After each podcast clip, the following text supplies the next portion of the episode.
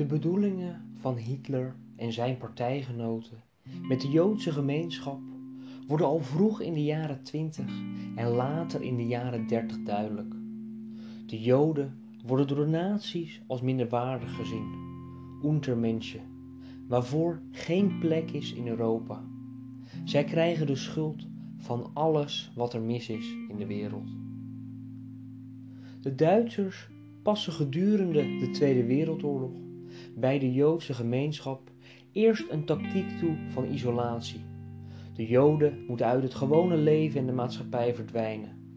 Ze worden beroofd van diverse burgerrechten om hen vervolgens te deporteren en te vernietigen in de concentratie- en vernietigingskampen. Deze verschrikkelijke verhalen over het lot van de Joden in Europa is iedereen wel bekend. Maar hoe zat het met het lot van de Joden en de Jodenvervolging in Noordwijk? De Joodse gemeenschap in Leiden en omgeving is aan de vooravond van de Tweede Wereldoorlog niet erg groot. Van de Ringsynagoge Leiden, zoals dat heet, met daaronder ook Katwijk, Noordwijk, Warmond, Lisse en nog meer plekken hier in de regio, leven zo'n 350 à 400 Joodse mensen, waarvan het merendeel in de stad Leiden. Geen grote gemeenschap zoals in Amsterdam.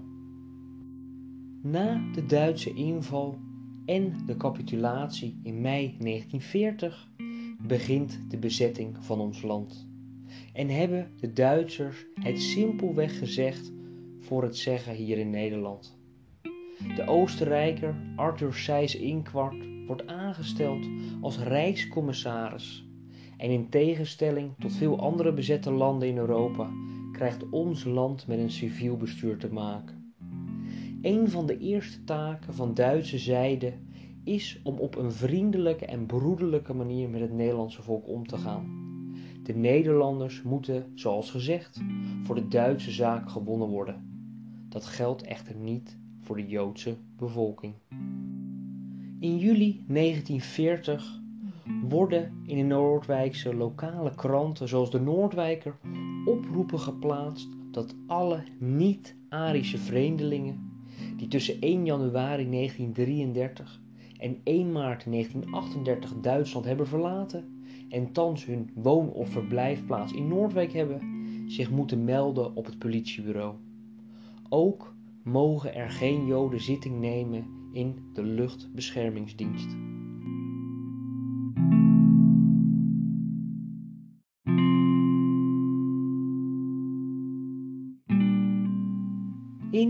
Oktober 1940 moet het gemeentepersoneel de zogenaamde Arierverklaring tekenen. Aan het gemeentepersoneel, het personeel van de lagere school en het bestuur van instellingen waarbij de gemeente betrokken is, wordt gezegd geen personen in tijdelijke of vaste dienst aan te nemen van Joodse of gedeeltelijk Joodse afkomst. Tevens moet het personeel tekenen dat ze niet Joods zijn. De directeur gemeentewerken van Noordwijk komt met 30 verklaringen van zijn personeel. En hij schrijft erbij: Zonder enige uitzondering werd genoemde verklaring ondertekend. Ook het personeel van de gemeentesecretarie, het kantoor van de gemeenteontvanger, de gemeentepolitie, gemeentewerken, distributie, brandweer, de openbare lagere school, gemeentebedrijven en gasthuismeesters tekenen. In totaal tekenen 131 mensen in Noordwijk. Uit een brief uit het archief blijkt zelfs dat alle politieagenten getekend hebben. Op 17 januari 1941 komt er vanuit de Rijksinspectie van het bevolkingsregister in Noordwijk een brief binnen betreffende de aanmeldingsplicht van personen met Joodse bloeden. Burgemeester van de Mortel plaatst in februari 41 in de lokale krant het bericht dat de Joodse mensen zich moeten melden. Aanmeldingsformulieren zijn gratis op het gemeentehuis te verkrijgen, maar de leesjes van 1 gulden moeten door de Joden betaald worden. Zo betalen zij voor hun eigen aanmelding en later, zo blijken, betalen zij voor hun eigen doodvonnis. De aankondigingen worden ook op diverse plaatsen in het dorp verspreid. Ook aan de directeur van de Willem van den Berg Stichting worden door de burgemeester enkele aanmeldingsformulieren opgestuurd. Op 8 februari 1941 verzoekt burgemeester van der Mortel aan het hoofd van de inspectie van het bevolkingsregister om 35 aanmeldingsformulieren te sturen naar de gemeente Noordwijk. Gelet op de bevolking van rond de 12.000 inwoners in Noordwijk is dat niet veel. In maart 1941 krijgt Van der Mortel de opgestuurde formulieren voor een groot deel weer terug. Niet alles is correct ingevuld, of zoals de Duitsers dat graag zouden zien. In april 1941 stuurt de burgemeester nogmaals de stukken naar de Duitsers toe. In totaal zijn er 18 formulieren ingevuld. En eind augustus 1941 heeft Noordwijk alle formulieren opgestuurd.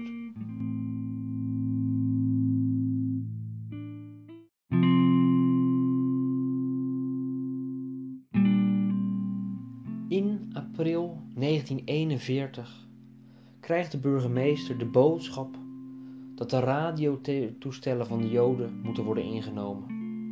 In mei stuurt Van der Mortel een brief waarop gemeld wordt dat vijf toestellen zijn ingenomen.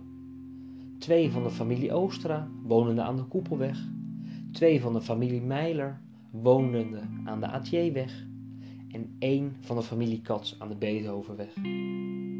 In mei 1941 komt er in Noordwijk de verordening binnen dat onder andere het baden in zee voor Joodse mensen verboden is. In september 1941 worden diverse openbare plekken voor Joden verboden en daar krijgt burgemeester van der Mortel dan ook een brief van. Ze mogen niet langer gebruik maken van openbare gebouwen en voorzieningen, zoals horeca en bioscopen. Hun gaan en staan wordt gecontroleerd en teruggedrongen. In de zomervakantie van 1941 worden strandbezoek, zwemmen en ontspanning in de natuur voor de Joden aan banden gelegd. Beetje bij beetje worden de Joden uit de maatschappij geweerd. Eind 1941 en begin 1942 moeten er op last van de Duitse bezetter borden worden geplaatst op alle plekken die in de gemeente voor Joden verboden zijn. Het hoofd van de Noorwijkse politie moet een opgave in de gemeente doen betreffende het aantal restaurants en hotels die verboden zijn. Hierbij worden kaarten geplaatst met daarop de tekst voor Joden verboden. En ook bij de zee- en zwembaden wordt een houten bord geplaatst met diezelfde tekst. In december stuurt Van der Mortel de opgave terug. 90 kaarten zijn er nodig voor de hotels en restaurants. En 8 houten borden zijn er nodig voor onder andere de zeebanen. De gemeente moet de borden in Amsterdam bestellen, het enige bedrijf dat daar de borden maakt, om de uniformiteit te waarborgen. En de kosten komen geheel voor de gemeente Noordwijk. Voor 31 januari 1942 moeten ze geplaatst worden, op gezichtshoogte, duidelijk zichtbaar bij de hoofdingangen. Een van die houten borden wordt geplaatst bij voetbalvereniging SJC de rest bij de tennisbanen van het casino, de golfbanen en de diverse zeebanen in Noordwijk, zoals het Oranjebad. Na het ontvangst van een aantal kartonnen kaarten stuurt burgemeester van de Mortel op 28 februari 1942 de volgende brief. Thans, in alle daarvoor in aanmerking komende inrichtingen in deze gemeente, de kaarten voor Joden verboden op voorgeschreven wijze zijn aangebracht.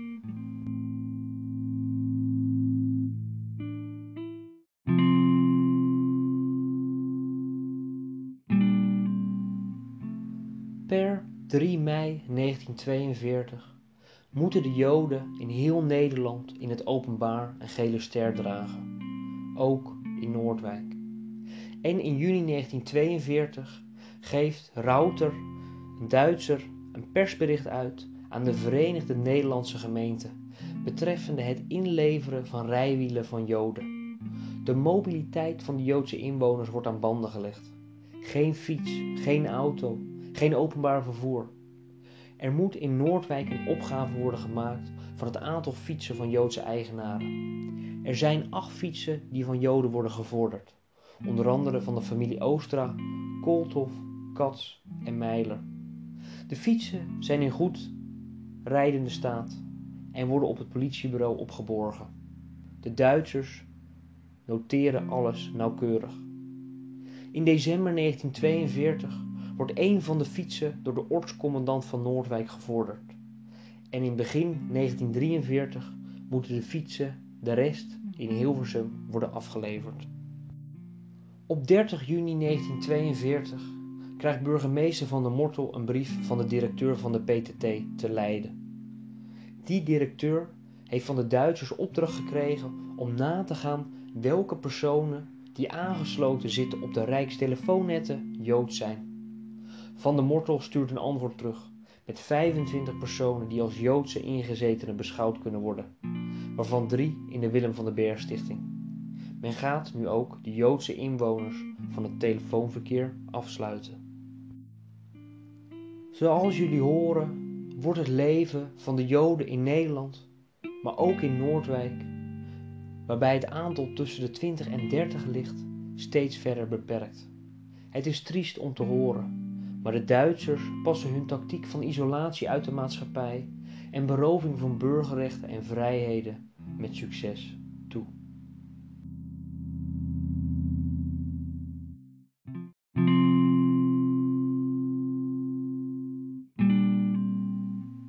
De definitieve van wat de naties het Joodse vraagstuk beschouwen, de Endleuzung, wordt door de naties gecamoufleerd als gedwongen emigratie ook wel Auswanderung naar Oost-Europa. In Amsterdam wordt hiervoor een speciaal bureau opgezet, de Zentralstelle für Jüdische Auswanderung. In augustus 1942 vinden in Noordwijk de eerste deportaties plaats. Van de Zentralstelle für Jüdische Auswanderung komen rapporten en brieven voor de evacuatie, zoals de Duitsers dat omschrijven, binnen voor Lodewijk en Friederike Koolthof. Ook Mannestromp wordt op 14 augustus 1942 geëvacueerd. De Noordwijkse politie is naderhand aanwezig om te controleren of het evacuatiebevel is opgevolgd en of de persoon in kwestie weg is.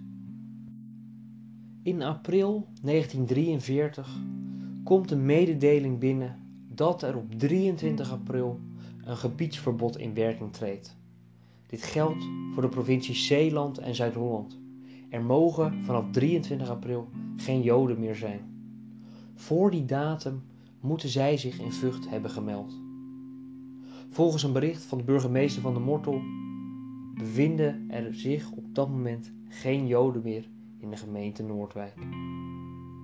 De politie wordt in juli en augustus 1943 nog opgedragen om illegale Joden direct aan te geven.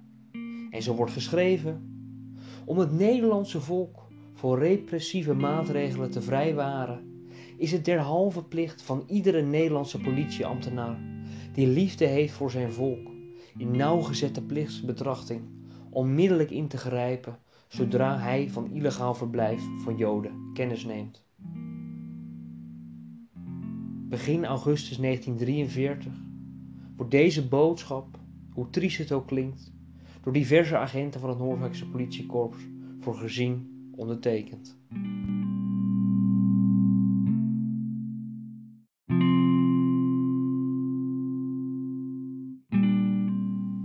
Natuurlijk laat niet iedereen in Nederland de haat en de maatregelen tegen de Joodse inwoners over zich heen komen en zomaar laten gebeuren.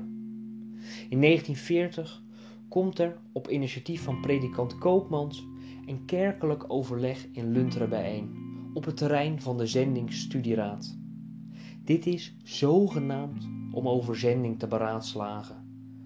Maar eigenlijk gaat het om hele andere zaken. Onder de dertig aanwezigen bevindt zich ook de Noordwijkse predikant Kroon. Koopmans kan zich er niet bij neerleggen dat enkele honderdduizenden Nederlanders min of meer gedachteloos de Ariëverklaring afleggen. Hij schrijft de tekst voor een brochure, getiteld bijna te laat. Dit doet hij in november 1940. Via predikant Kroon weet Koopmans een drukker in Noordwijk te vinden.